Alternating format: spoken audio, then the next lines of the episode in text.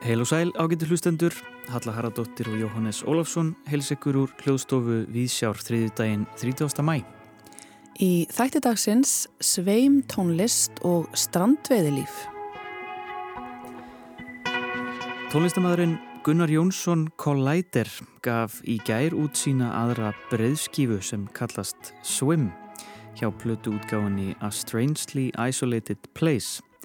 Þar er á ferð sveim tónlist, ambient tónlist í sex hlutum og tónlistin er enn fremur glætt lífi með vídeoverki eftir listakonuna Örnu Beth þar sem umhverfin sex eins og laugin heita taka á sig drömkenda mynd, ferðalagi gegnum órætt landslag. Við settum sniðu með Gunnari í síðustu viku og rættum sveim tónlist og sterk tengsl hennar við vísindaskálskap Við rættum líka gerfegreind og austulenska heimsbyggi og sitt hvað fleira. Meirum það hér rétt á eftir. Hvað kemur til að para á miðjum aldri hættir sambandi sínu og fjárhagstöðu til að feta í fótspór feðrana og gerast trillusjómen? Það er ekki beint mikið um nýliða í stjætt strandveiði sjómana en þau Rud Sigurdardóttir og Kristján Torfi Einarsson ákvæða slagstanda og gera á trilluna skuld frá rifi á Snæfellsnesi. Kanski vegna þess að þorskurinn hefur ekki klikkað síðan að þjóðin mætti á skerið eins og Kristján Torfi bendi á í spjallokkar. Þar að ekki ákvað Rutt að gera heimildamind um fyrsta ár þeirra á skuld og afraksturinn var förmsyndur á Skjaldborg um liðna helgi þar sem að hún vann kvartningavelun domnemdarinnar.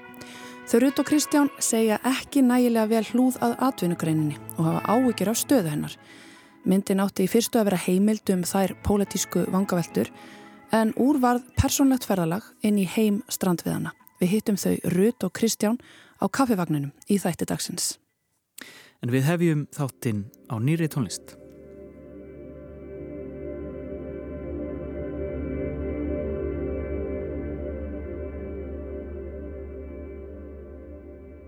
Gunnar Jónsson, verðu velkomin. Takk. Gunnar Jónsson Collider mm -hmm. það er svona betur þekktur sem já, já, já það er svona ættarnafni Já, þú ert að gefa út uh, nýja plötu þína aðra breyðskífu Jú, já Platan heitir Swim mm -hmm. og það talaði um einhvers konar útþenslu ferðalag í gegnum sex umhverfi, skálduð umhverfi mm -hmm. þetta er mjög draumkent og, og, og fallegt og maður kemst í eitthvað svona eitthvað ástand við að hlusta á þetta mm -hmm. uh, hvað væri það fyrsta sem þú myndi segja mér eða þú ættir að lýsa því hvað þú ert búin að vera maraneirast í, í á þessari plötu Sko ég myndi segja hún sé abstrakt sveim tónlist engi taktar og ég, ég hef aldrei gefið út tónlist sem er alveg svona svona óljós eða opinn til tólkunar býst ég við en á sama tíma er þetta svona tegund tónlistar sem ég sem er mjög persónleg í rauninni fyrir mér að því ég hef verið að hlusta á þessa tegund tónlistar og verið svona spenntur fyrir þessum þemum sem ég er að kanna á þessari plötu alveg síðan ég var barn sko. þannig að ég var til dæmis veist, ég mann þegar ég var yngri þá var ég gæti ég alveg setið bara fyrir framann þóttavélina og hlustað á hana og einhvern veginn og fannst stundum sko og fannst það mjög heitlandi þóttavelar geta verið alveg ótrúlega músikalskar sko þegar maður hérna, nú er ég náttúrulega ekki að selja plötunum neitt sérstaklega vel fyrir hlustundanum en það er eitthvað í mér sem hefur alltaf heitlast af hljóði óháð endilega sko þessu stífa formi sem mm. fylgir alls konar poptónlist sem ég elska líka og hef gert alls konar þannig tónlist sko. en ég hef alltaf verið svona, það er eitthvað, eitthvað við mig sem svona heitlast að hennu svona óræða, drömkjanda einhverju svona tegund tónlistar sem er það ofinn fyrir tólkun að hlustandin verður ótrúlega virkur þáttakandi í að skapa tónlistina skulum við segja. Einmitt. Það má færa rauk fyrir því að það sé alltaf þannig þegar maður hlustar á tónlist en þegar maður er að hlusta á poplag sem er einhver texti um ástina og eitthvað og það er danspop og eitthvað svona þá er það, þú veist, það þrengir möguleika á tólkun, skulum við segja mm. en á þessari plötu er ég raunin að vika það út sko, nánast bara út fyrir einhvern veginn öll skinsimismörk í rauninni ja. sko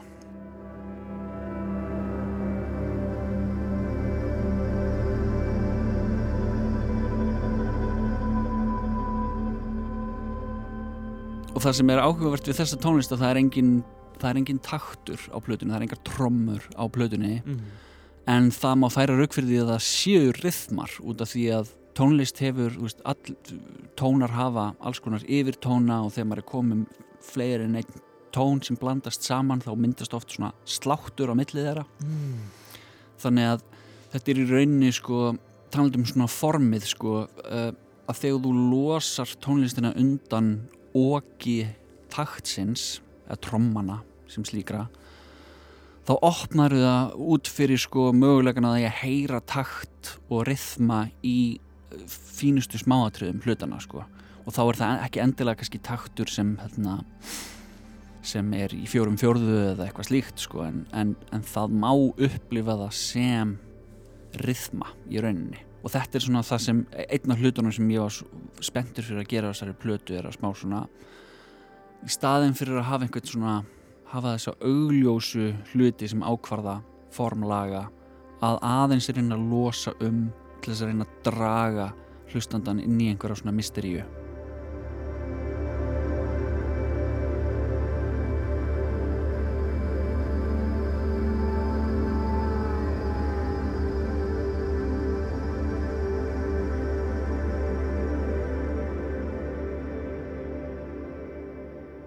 Mér langar að spyrja það út í kaplaskiptinguna, þetta eru sex lög, Mhm. sex verk mm -hmm, uh, sem að heita sko Environment. -hmm.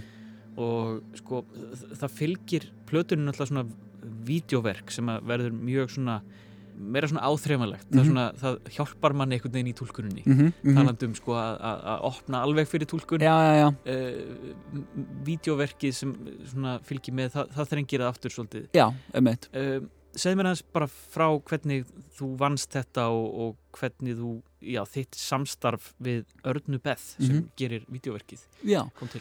Um, mér langaði að geta bóðið upp á það að hafa að það væri líka svona sjónræn upplifun. Og, og þú, eins og þú bendir réttilega á þegar þú bætir við sjónræna partinum þá mögulega þrengir það aftur niður sko. En mér fannst það einhvern veginn ég vildi líka að þetta geti lifað sem ég vildi í rauninni að þetta geti lifað sem nokkri mismunandi hlutir á einhvern hátt sko og hef alltaf verið mjög heilla sérstaklega í þessi sólaverkefni mínu þá ég teki mjög alvarlega að vilja hafa sjónræna vít á einhvern veginn öllu þannig að þetta sé ekki bara hljóð einhvern veginn. Kynntist Örnu bara í gegnum sameiginlega vinkonu og hún er bara svona digital videolistakona ótrúlega hæfileikarík og deilir rosalega mikið af svona áhuga málum þannig að við bara settumst niður og spjöllum og við fundum að við vorum alveg á sömu bylgjulengt með þetta og, og hérna, hún skapaði hérna í rauninni svona videoverk við hvert einasta lag þannig að það er hægt sem sagt að njóta plötunar sem videoverks Var það þá eitthvað í svona hennar list sem þú vissir af einhvern veginn sem að dróð þig svona mhm eða hvernig, hvernig var þetta samspil? Sko það sem hún er mikið að vinna með svona digital myndlist, mikið af svona 3D rendurum og hún er rosalega stíluð inn á nútíman og svona skilur fagurfræði ótrúlega vel. Þannig að og fyrir mér var þessi plata út af því að það var mjög með, ég var mjög meðvitað um það að ég vildi ekki nota augljósar tákmyndir, þú veist, ég vildi ekki nota piano, ég vildi ekki nota strengi, ekkert sem geti gefið of mikið Mm. til kynna. Ég vildi smá eins og hún væri sko, eins og eitthvað sem þú hefði geta fundið á einhverjum svona digital ruslahaug í framtíðinni smá og það er eitthvað sem hún skilur alveg ótrúlega vel út af því að hún er alveg ótrúlega svona bæði vel lesin um svona okkar postmótinísku tíma og veist, hún er yngri en ég, hún er af þessari kynsla sem bara svona alveg ólst upp á netinu þannig að hún er ótrúlega svona næm á internet fagurfræði og digital fagurfræði og þar fannst mér það koma ótrúlega einhvern veginn svona passa vel saman og, Mm. og, og síðan náttúrulega erum við líka svona bæði smá svona sci-fi nördar sko Einmitt. þannig að það var smá svona, það var mikið sci-fi spjall sko og, og hérna, svona spjallum framtíð mannsins og framtíð hlutana einhvern veginn sko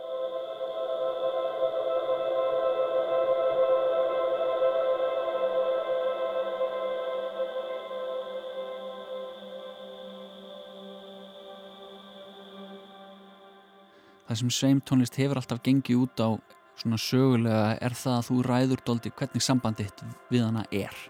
Brian Eno sagði að ambient eða sveimtónlist ætti að vera jafn áhugaverð og það er auðvelt að hundsana og þá átt hann við þetta sem sagt að, að hlustandin sjálfur á að geta smá svona ráðið hvernig hann hvernig sambandans við tónlistina er.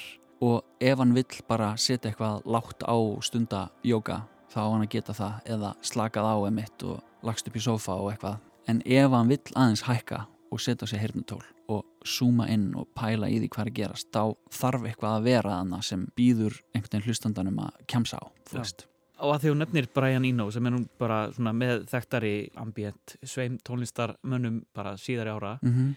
það er, þú nefnir hérna uh, sci-fi áhuga Mm -hmm. og svona kvikmynda áhuga Mm -hmm. og svo ertu með vídeoverk með þessari plötu margir af þessum ambient listamönnum eins og Brian Eno og Vangelis sem er nú Mhm. nýfallið frá Mhm. hafa tengsl við sci-fi og svona þennan kvikmynda heim Mhm.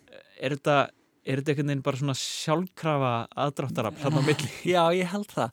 Ég held að það sé einhver svona tenging á milli sveim tónlistar, uh, austurlenskrar heimsbyggi og sci-fi og svona alls þess sem langar smá til þess að fara handan hins hverstagslega, handan hefbundnar skinjunar, handan tíma og rúms, jável. Það er einhver tenging þarna og það er svona, það getur verið erfitt að koma því orð en hún, það er þarna alveg klárlega sko og það sem er svona áhugavert fyrir mér til dæmis þessi tenging á milli sko austurlensku heimsbygginar og sem tónlistar fyrir mér er, er eiginlega sérlega skýr sko út af Mm. því að það er svo margt í sko í þessari tónlist eins og við erum að tala um sko þú ræður hvernig þú þú getur breytt sjónarhorninu þínu og séð, séð eitthvað annað í rauninni.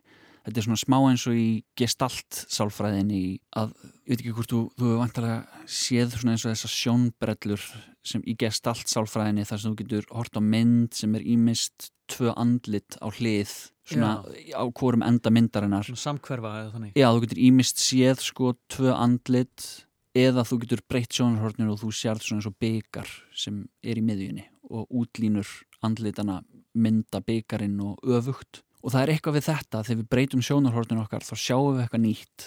Og það er í rauninni í mínum huga alltaf svona þessi sterka tenging við bæði austurlensku heimsbyggina og sci-fið að ef þú breytir sjónarhorninu þá getur þú séð einhverja möguleika þú getur séð eitthvað í heiminum sem var, sem var dölið áður. Mm. og það hefur eitthvað gildi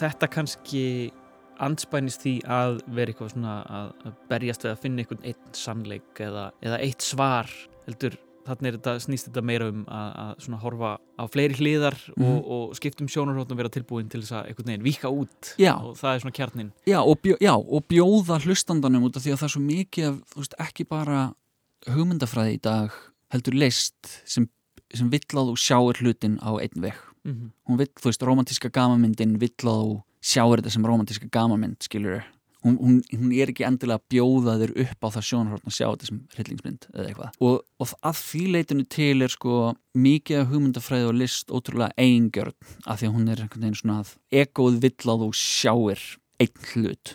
Og það er, það er eðlilegt og, og ég er ekkert endilega að gera lítið úr því sko. En það er eitthvað við það að maður þarf dóldi að vera meðvitaður ef maður vill búa til einhverja list sem er marglaga og býður fólk að spekla sig frá mismunandi sjónarhornum í henni þá þarf maður að huga að því einhvern veginn út af því að ég til dæmis mann þegar hérna, ég spilaði með Damo Suzuki úr Cannes á Riff tónlistaráttíðinni fyrir nokkrum árum og hann vildi ekki, við improviserum yfir Metropolis mynd eftir Fritz Lang. Og hann vildi ekki æfa hann vildi ekki æfa árum fórum på svið sem okkur fannst náttúrulega mjög svona alltaf stressandi sko. Og fólki fannst það vera alltaf svona skrítið og svona, að hann er svo sérlundaður og eitthvað svona. Og síðan spurði hann einhvern veginn við fórum út að borða og einhver spurði hann af hverju vilti ekki æfa? Og þá sagði hann bara út af því að ég vil ekki vera gæinn sem er að leiða ykkur í einhvern ákveðin sannleika um hvernig þetta á að vera. Ég vil að við komum saman og uppgutum það í saminningu hvað þetta er og ég vil að allir séu þáttakandur í því og hann saði eitthvað svona á þá leið að þú veist hvaða getur verið eigingja þegar listamæðurinn einhvern veginn, þú veist, nei, þetta verður að vera svona þú veist, það, stundum á það fyllilega rétt á sér þú veist, maður alltaf elskar fullt af listamönnum sem bara hafði einhverja sín og bara, þú veist, stjórnuðu öllum til þess að ná fram þeirri sín Mhm. en það er eitthvað fallegt og, og svona hreinskili við það að sleppa takinu og loka niðurstöðinni treysta því að það gerist eitthvað og þetta svona að, að vilja varast ego-gildrur listamannsins.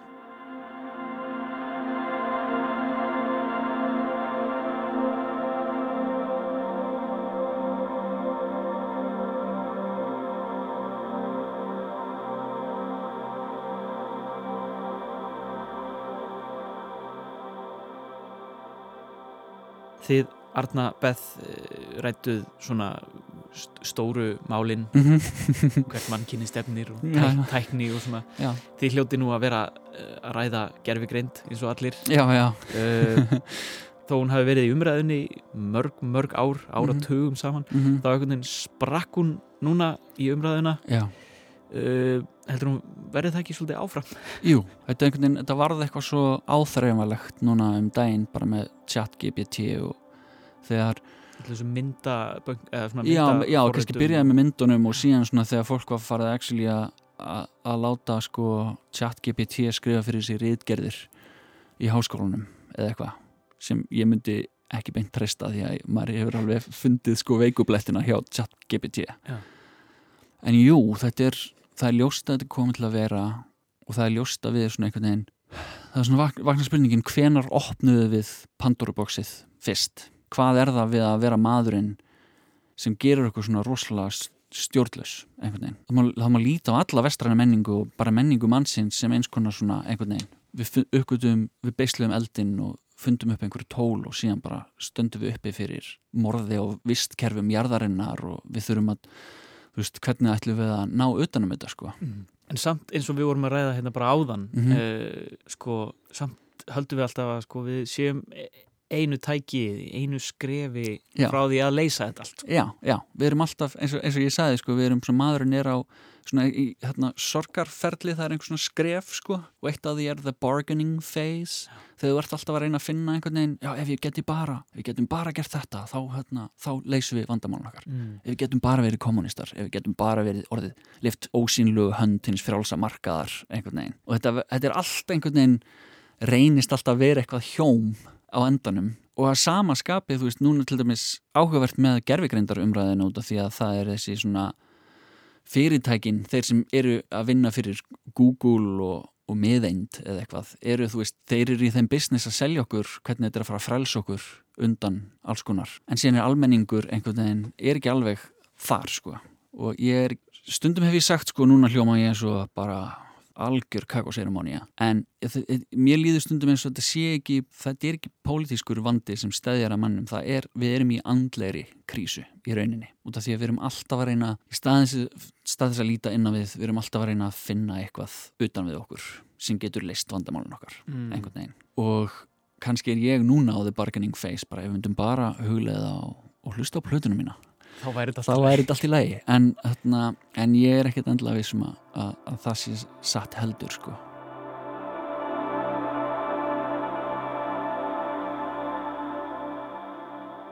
En það ertu, ger ég ráð fyrir ekki bara að búa til hína endanlegu plötu, þú mynd halda áfram og, og þetta er bara bara leit og Já, reyt Já. ég hugsa mikið um hérna, Samuel Beckett kvótið sko, sem var hérna, ever tried, ever failed no matter, try again, fail again fail better og það er gott kvót Já. reyndar kaltænislega var það líka notað af Silicon Valley liðinu það, svona, það varð einhver svona startup mantra svona fail better, skilur Mm. þú verður að mistakast eitthvað svona þannig að meiri segja, meiri segja að það er orðið eitthvað svona innan tómt sjálfsjálpar jargon, skilur en það er eitthvað við það ég held að allir listamenn hefðu gott að því að bara vera með þetta um að bara fail better. Þú veist, þetta verður aldrei alveg fullkomið. Það verður alltaf tilefni til þess að gera eitthvað nýtt. Þú veist, það sem maður gerði seinast verður alltaf einhvern veginn svona, að já, en hvað ég myndi gera þetta núna? Eða það er alltaf eitthvað viðbrað við því sem koma undan.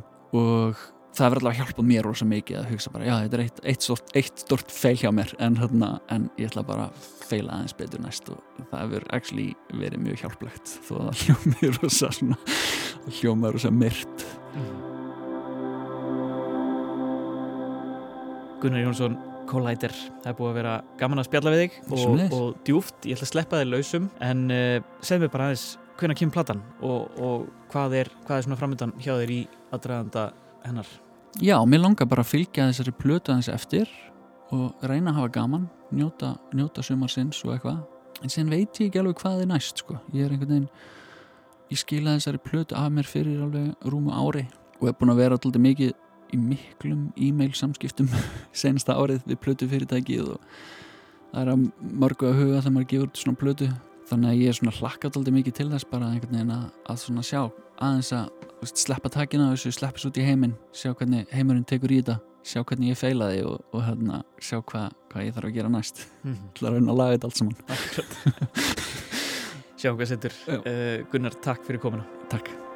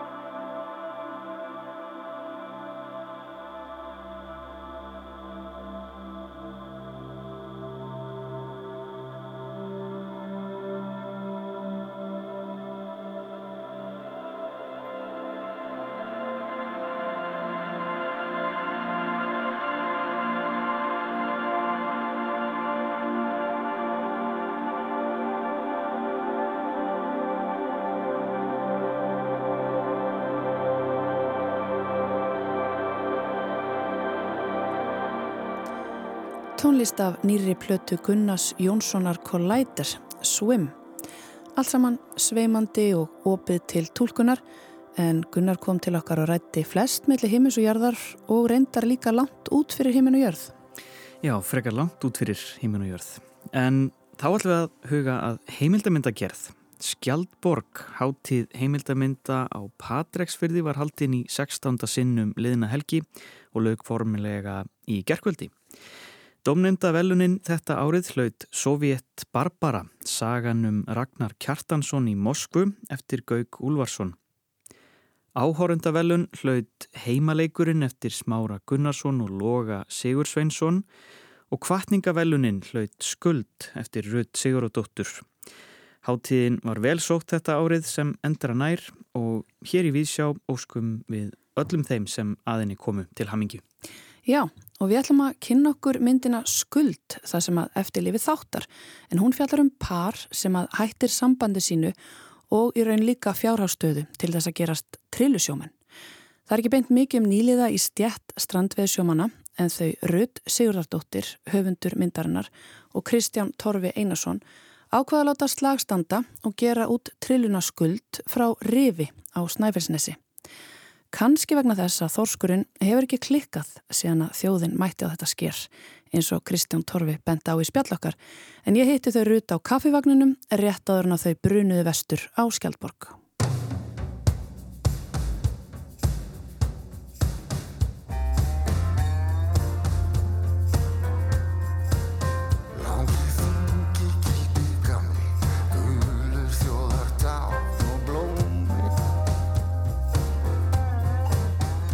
Góðan daginn, Rut og Kristján Torfi. Hvað segir þið? Fallið þetta að byrja daginn hér? Já, hérna á kaffivagninum. Já. Hérna er stemming okkur að skapi. Ekki? Jú. Er eitthvað svona sambarlegu staður í Hafnafyrði þar sem að þið búið?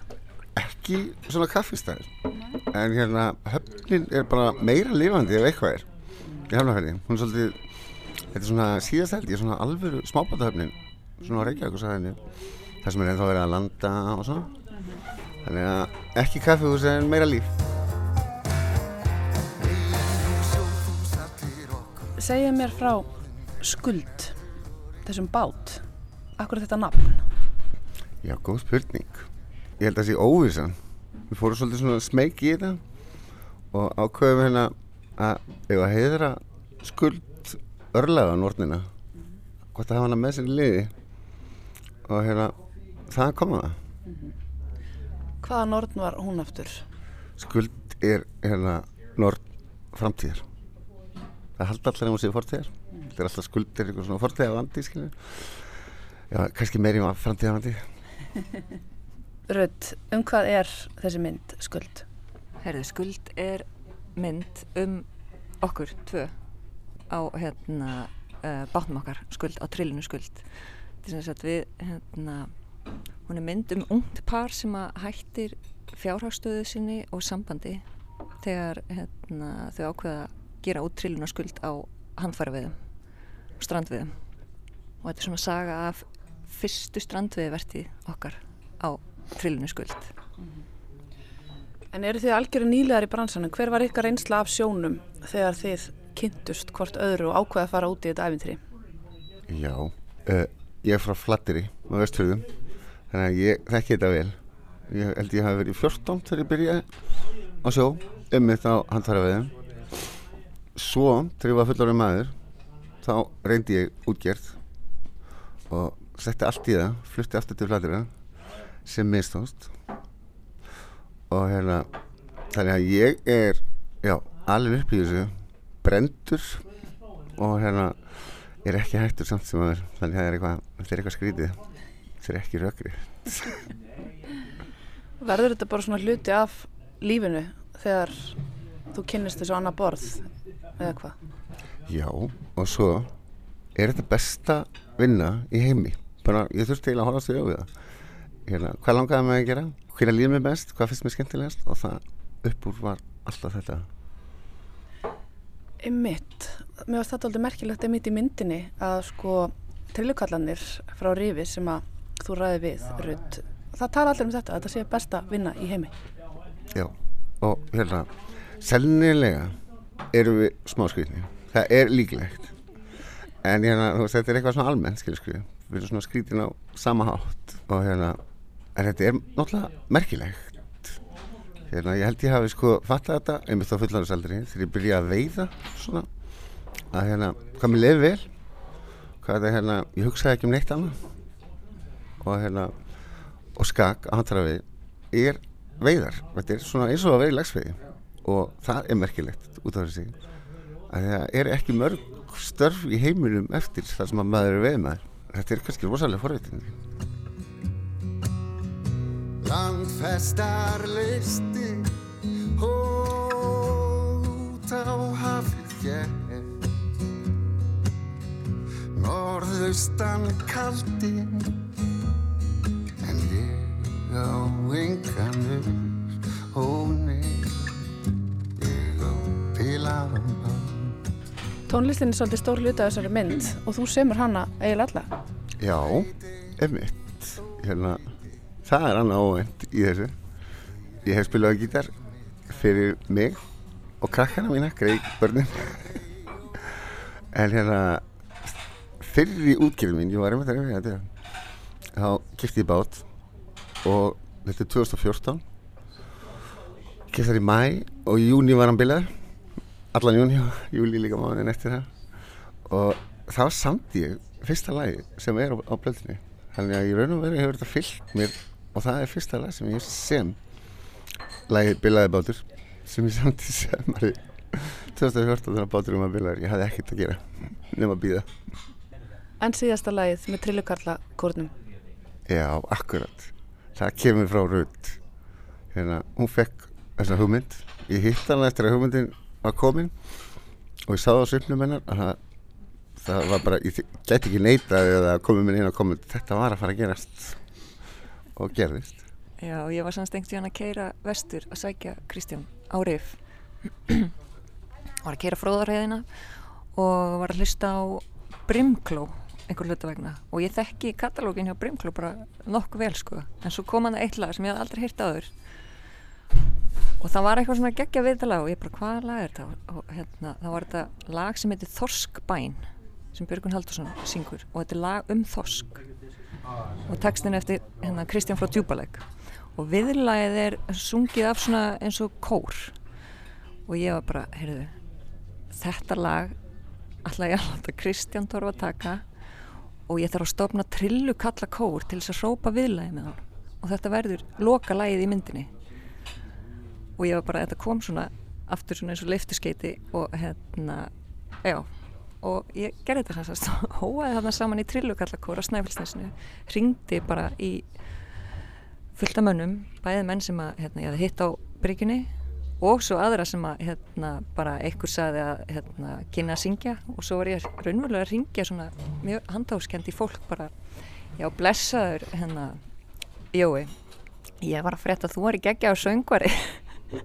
Þetta ekki til að koma inn og syngja í trillukallakórum með mér og það skapaðist rosa stemming í kringu þetta og fengum Haldókunar Pálsson fjallabróður með sveitungi hans Kristjáns til þess að vera með okkur í þessu. Og hann útsetti lægið og kom og stjórnaði kórnum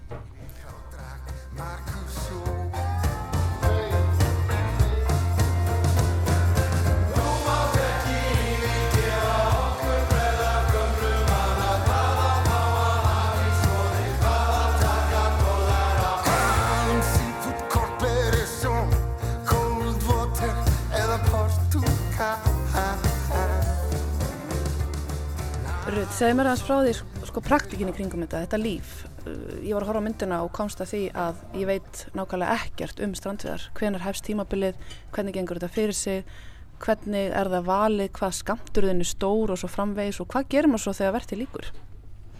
Já, strandveðar eru sem sagt hérna, uh, veiði kerfi þar sem að hérna, vertiðin er frá byrjun mæ og til lók september, svona nafninu til. En það er svona ákveðnum potti útlutað í þetta, ákveðnum kvóta útlutað, þannig að þegar hann klárast þá er strandveðinu bara hérna, lokið. Og eins og í fyrra var það bara um meðan júli sem að potturinn kláraðist og þá hérna, já, voru allir sendir í land. Við megum veiða sem sagt 12 daga í mánuði frá mánudegi til 50 dags samtals 12 daga og í hverjum túr megum við uh, landa 774 kílóum af þorski það er skamturinn og já, þetta er svona um, umgjörðin sko Það virtist að vera svona smá samkjöfn um það hver var að koma mest í land þannig á rifi Já, sannarlega sko. Uh, það hefur verið með eindamum að mér skilst, góð veiði á rifi og hérna, það er eiginlega flesti með skamtíðin, það gengir svo vel. Þannig að núna er þetta svolítið kefni hverjir fyrstur í land. Og þetta verður svolítið vittlisa, mann er að fara að vakna eitt á nóttinni til þess að reyna að koma fyrstur í land. Og hérna, já, þannig að ná skamtíðin þykir ekki mjög merkilegt, en að vera komin heim fyrir hátegi, þá ertu maðurinn, sko. Eða konan. Já, konan. Já, og getur mótaði að því heitapottinum eftir átegi. Já, einmitt. En akkur er rif? Hvernig stóða því að, eða hvernig stendur það því að þið gerið út þaðan? Heyrðu, Kristján er náttúrulega frá flateri þannig að við ætluðum alltaf uppháðlega plani var að hérna, fara þangað en við erum í rauninni bara svona elda þorskin, hann byrjar þarna í mæ þá er mjög mikið þorsk í breyðafyrinu þannig að við ætluðum að byrja þar og svo gengur hann vestu fyrir og ætluðum að elda hann en svo leiði okkur bara svo vel hann í breyðafyrinum og það var fullt af fiski og hérna, við sáum ekki ástæð til að fara þannig að við ílengdumst þar og erum mjög hrifin af þessum stað -hmm. breyðafyrinu og uppáls, uppáls staðin okkar Einmitt. Það var mjög skemmtileg að því að þetta er raunin ekki bara ykkar saga, þetta er líka saga þess staðar og, og viðtölinn við trillukallana og kjallingarnar á rifi eru gefa ansi góða insýn í þetta líf meðal annars þá insýn að fólk sumir sofa bara í bátunum á meðan vertið stendur yfir. Já, ég tölur verið reynslega á því. Það er bara frábært fyrirkomuna. En núna erum við nú búin að uppfæra okkur, við erum komið með hjólhísi og það er að mynda svona smá hjólhísa byggð á tjálsæðinu á Hellinsandi, það sem á trillukallar eru. Já, er svona, þetta er svona ákveðið samfélag sem skapast þarna, en sko trillukallar, þetta er náttúrulega ekki fyrir hvert sem er að vera trillukall, þú ert einn á bát út á allansafi og hérna, þannig að það er svolítið svona sérstakka, sérstakka típu til þess að hérna, stunda þessa vinnu. Svona, hérna, já.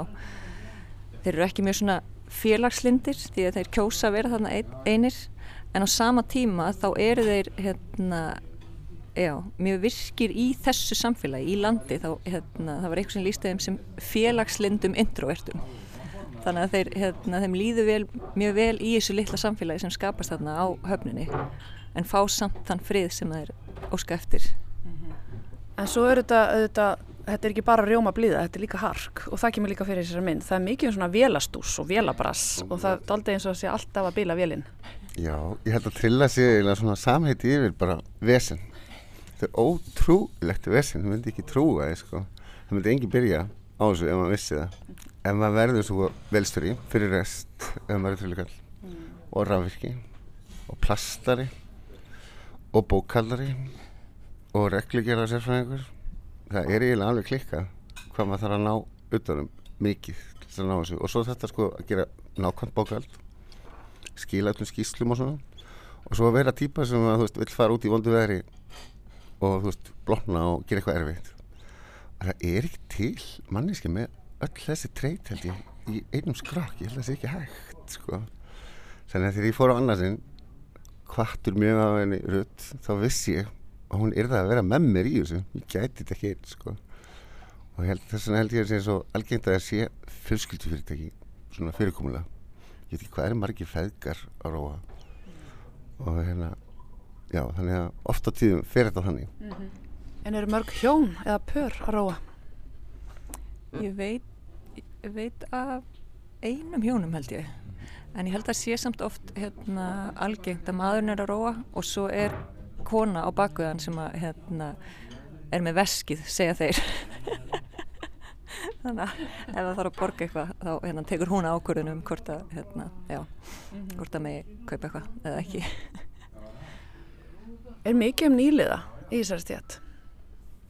Uh, því miður ekki hérna þegar ég byrjaði það er svolítið síðan, það var ég 35 ára og fór á aðal fund smábátafélags Íslands og ég var 35 og ég var gott bara, ég var jafnvel yngstu sko ég, þú veist skjótaða meðalaldurinn hafi verið yfir 70 og hérna en sko að minni kynsla frá litlum samanþöppum, það eru margir sem kunna þetta. Og fyrir ofan mig svona aðeins eldri 5-10 áram eru margir sem ætlaði að vera skistjórar en eru ekki margir nema þeir sem hafa farið til Norex að gera þetta. Og hérna uh, en fyrir neða mig er miklu minna. Þannig að það eru svona hérna blikur á lofti. Það eru ekki ja, margir alls ekki. Þú veist það er að þjálfa upp og marga skistjóra til að taka við þeim sem að klára á næstu 10-20 árum sko. Þannig að nýlegin er lítil þannig séð en hún er möguleg í þessu kerfi. Samanbyrg að þetta er nú gengið ágjörlega á okkur. Mm -hmm. en hérna annar staðar í sjáaröðunum er alveg loka mjög erfitt.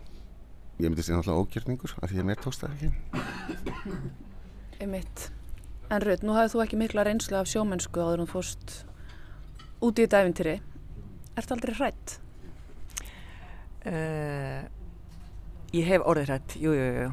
En ég held að það sé líka bara svona heilbrikt hérna, það var eitthvað sem sagði við mig að það eru til tvenn, tvennslags gerði af sjómennum það er hrættur sjómaður eða döður sjómaður. Þannig að Já, þannig að hérna, það er held ég heilbritt að hafa smá hérna hræslu en hérna, jú, ég er vissilega, mér líður ekki vel í, ég vil ekki fara þegar bræla til dæmis, þá finnst mér það bara mm -hmm. bara heimskulegt að fara út. Mm -hmm. og ég hef alveg orðið sjóveik en samt bara í eitt eða tvö skipti. En mér líður mjög vel um borð og eiginlega hverki betur, sef hverki betur en hérna í lúkarnum sko. Og það verðist allavega myndin þetta að þetta eigi svona frekar vel við þig en ég ímynda mér að maður þurfa að vera já, svona æfintýragjart til að taka þessu ákvörun og það var eitthvað samtalaðna á bryggjunu og rifi við einn af tillugallanum sem að talað um að það væri ekkit gaman lífinu en maður væri vesin og mér heyrist þú bara að vera frekar sammálánum Já, ef að ef eitthvað er erfitt þá hefur það gildi held ég. Þannig að hérna, já Ég hef stundum verið að berjast fyrir að skipta út orðinu vesen fyrir ævintýri. Það var eitthvað. Þetta er bara spurningum um hvernig þú lítir á hlutin, hvort það sé vesen eða ævintýri. Þetta ekki væri möguleikar. Nákvæmlega. Ég ímynda mér að þú hefði farið að staði þetta ferðarlega með ákvæmnar hugmyndur um það hvernig þú ætlaði að gera þessa mynd. Og svo eru þetta heimildamönd að gera líka ákvæðið ævintýri. Út af fyrir sig, þetta er eiginlega tvöföld áskorun að vera á sjó og að vera að gera mynd. Breytist ekki, breytist ekki hugmyndinar á meðan þetta var í gangi? Varstu með, með svolítið skemmtileg senan í upphafi þar sem að þú gerir áhörandunum strax ljóst hvernig myndið þetta er með því að setja þig fyrir framann og aftanvélina og þið ræðið að það sé að fara mynd í gang og hvernig þetta nú sé allt saman? Svo aðferðafræði er mjög gegsa í allan tíman í myndinni sem að mjög, mjög skemmtilegt. Áttu það alltaf að vera þannig eða hvernig var ferlið? Já, sko, hérna þegar þessi hugmynd kom að gera þessa mynd þá kom hún svona hugmyndin kom svona eiginlega eins og svona leifturskeiti og ég sá hana ég sá formið eiginlega svona mjög skýrt fyrir mér og sá alltaf fyrir mér að þetta erði svona hérna, persónleg frásögn þar sem að hérna, uh, ég var í bæði kvikmyndagerðamæðurinn og hérna, sem spáði með við kameruna. Þannig ég sá alltaf fyrir mér þetta form og hérna þannig að hún breytist ekkert mjög mikið. Þetta var eiginlega, hérna, eiginlega hálf ótrúlegt hversu hérna, útkoma var svona síska eins og ég sá það fyrir mér. Fyrir utan náttúrulega hérna, aðtrið sem komi upp skilur við svona bilanir og eitthvað sem maður gæti ekki sé fyrir. En hérna hún breytist ekki mikið í ferlinu. Nei. Nei. Það var alltaf hugmyndin að ykkar saga par sem ákveður að fara og vera nýlegar í þessari stjætt, það var svona í forgrunni en svo bætist þarna fléttastöðu þetta inn í saga fólksins á rifi sem var kannski bónus eða hvað?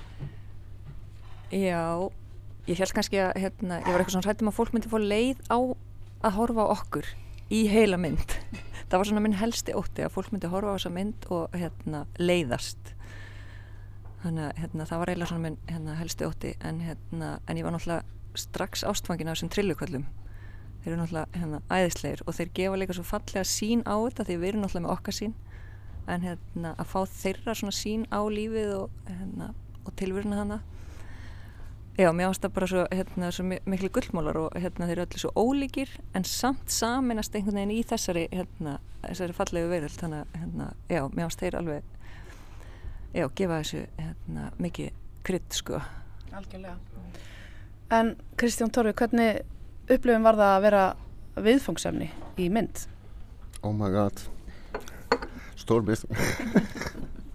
Herri, já, hérna, það var alltaf sérstaklega, ég hef ekki kynst neinu þessu líku og ekki, þú veist, reynda nálgast það en hérna ég hef rosa mikinn áhuga á smábötum og rosa mikinn hérna, miklar áhyggjur af stöðu þú veist, þessari greinar og það er svo ótrúlegt að hérna, hún skuli standa svona tækt hún er svona alveg við það og var um það bíl horfin en þá komið strandið hennar settar hérna inn til þess að berga og rétt tókst.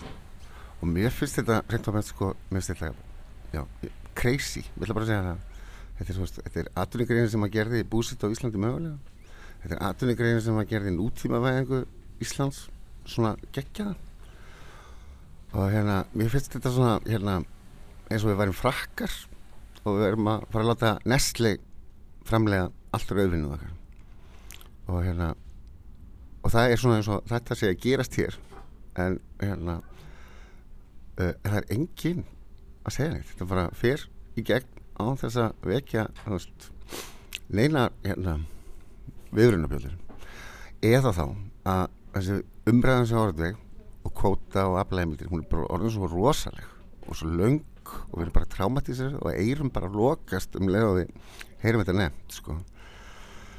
þessi áhig og það að ég hafi verið bladamæður var að ég við töluðum mikið um þetta og ég vildi svona fjall eitthvað um þetta og þegar ég segði já það er góð um að gera heimildum þá var ég að hugsa um pólitík.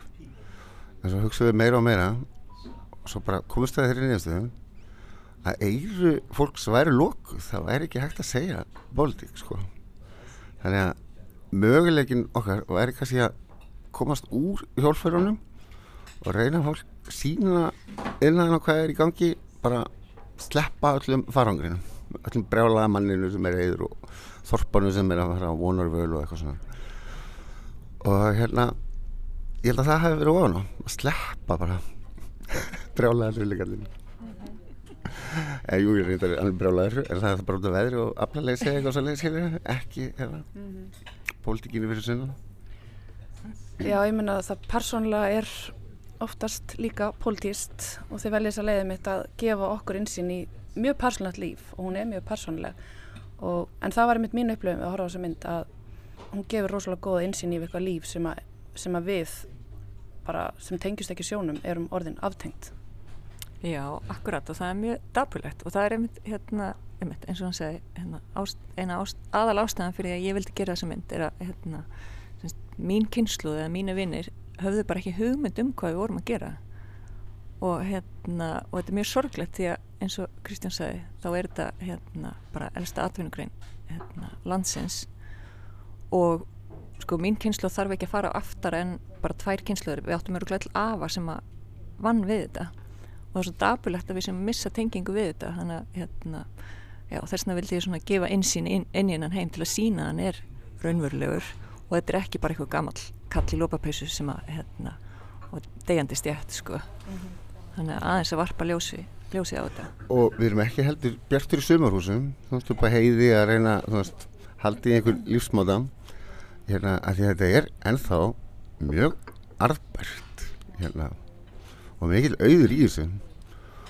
Ykkur var reiknaði ég út að ef ég verið í skipsplásti hjá frendamænum meina snæbyrni í lok 19. aldar uh, á vetravertíðum þá var ég með í núvirði meira en miljónum mánuði að róa í skinnklæðum skilju þetta er annað sem við gleymum. Það er hérna hvað, þetta er mikill auður. Og þetta er besta öðlendin þetta er ekki svo oljuöðlind, hún klárast. Þessi er ekki til að mynda þorskurinn sem er uppvaldið okkar hefur ekki klikkað síðan við mættum áskerið fyrir þúsund árum. Ekki eina verktið það er hansi gott. Nú erum við búin að taka þrjár vertiðar áskvöld hvert er framhaldið? Ekki bara þrjár til viðbútar að minnstu kosti. Minnstu kosti. Já, já vonandi. Hérna, ég horfi á og það er mjög mikið eins og ég segjum fólki sem er komið hérna yfir meðanaldur alveg upp í menn sem er nú nýraðisaldri og ég held að það sé mjög verðitt verkefni að veist, ná að geta klára tús áttræður það var í wow. og hvað var sætur áttræður á skuld. Sem ég er ég Já, ég var byggðin um það í fyrra að keira svona við einn bát á ringtími þetta er hann teitafabbi minn hann er á nýræðisaldri getur bara aðtóða hvort hann sé hann og ég kerið fram hjá þá var gamlega komin á ferð var út á dekki sem maður ágilegt að gera skilja, smá hættilegt að skrúpa. Ja, þú veist, og leita út bara eins og 20 ára. Já, langt síðan að þið náðu skamtinu hann bara vildi ekki vera heim og hann leiði svo vel út að sjá Já, Já. en sko. hinn er höfðið eitthvað áhyggjur á hann þetta að tjekka á hann hvort það væri ekki lægi með skennbrósandi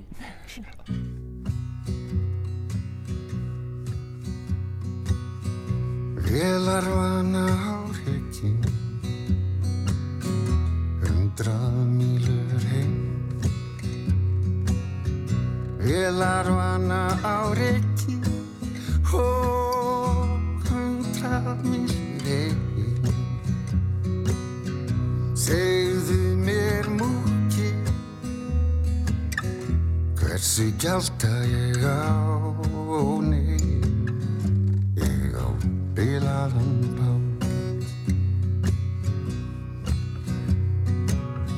landfestar hlisti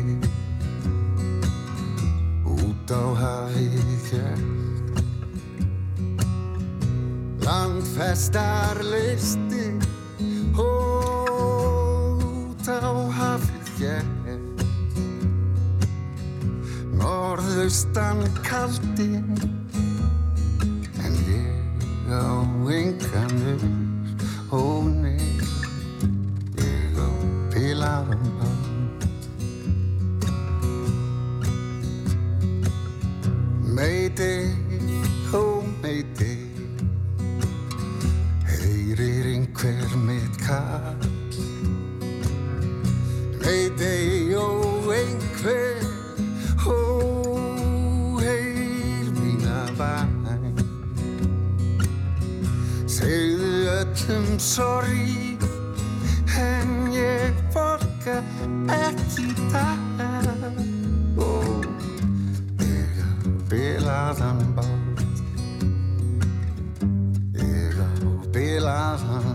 bilaðan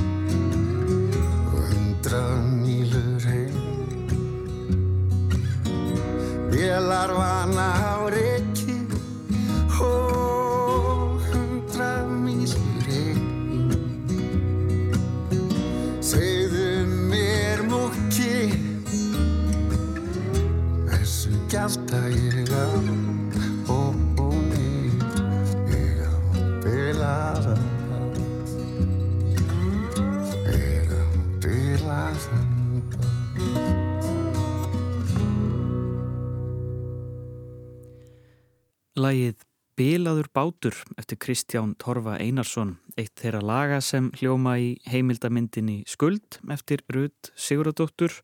Myndin vann kvartningavelun á heimildamindaháttíðinni Skjaldborgum liðina helgi á Patræksferði og kemur vonandi í síningar í Bíóparadís innan skams.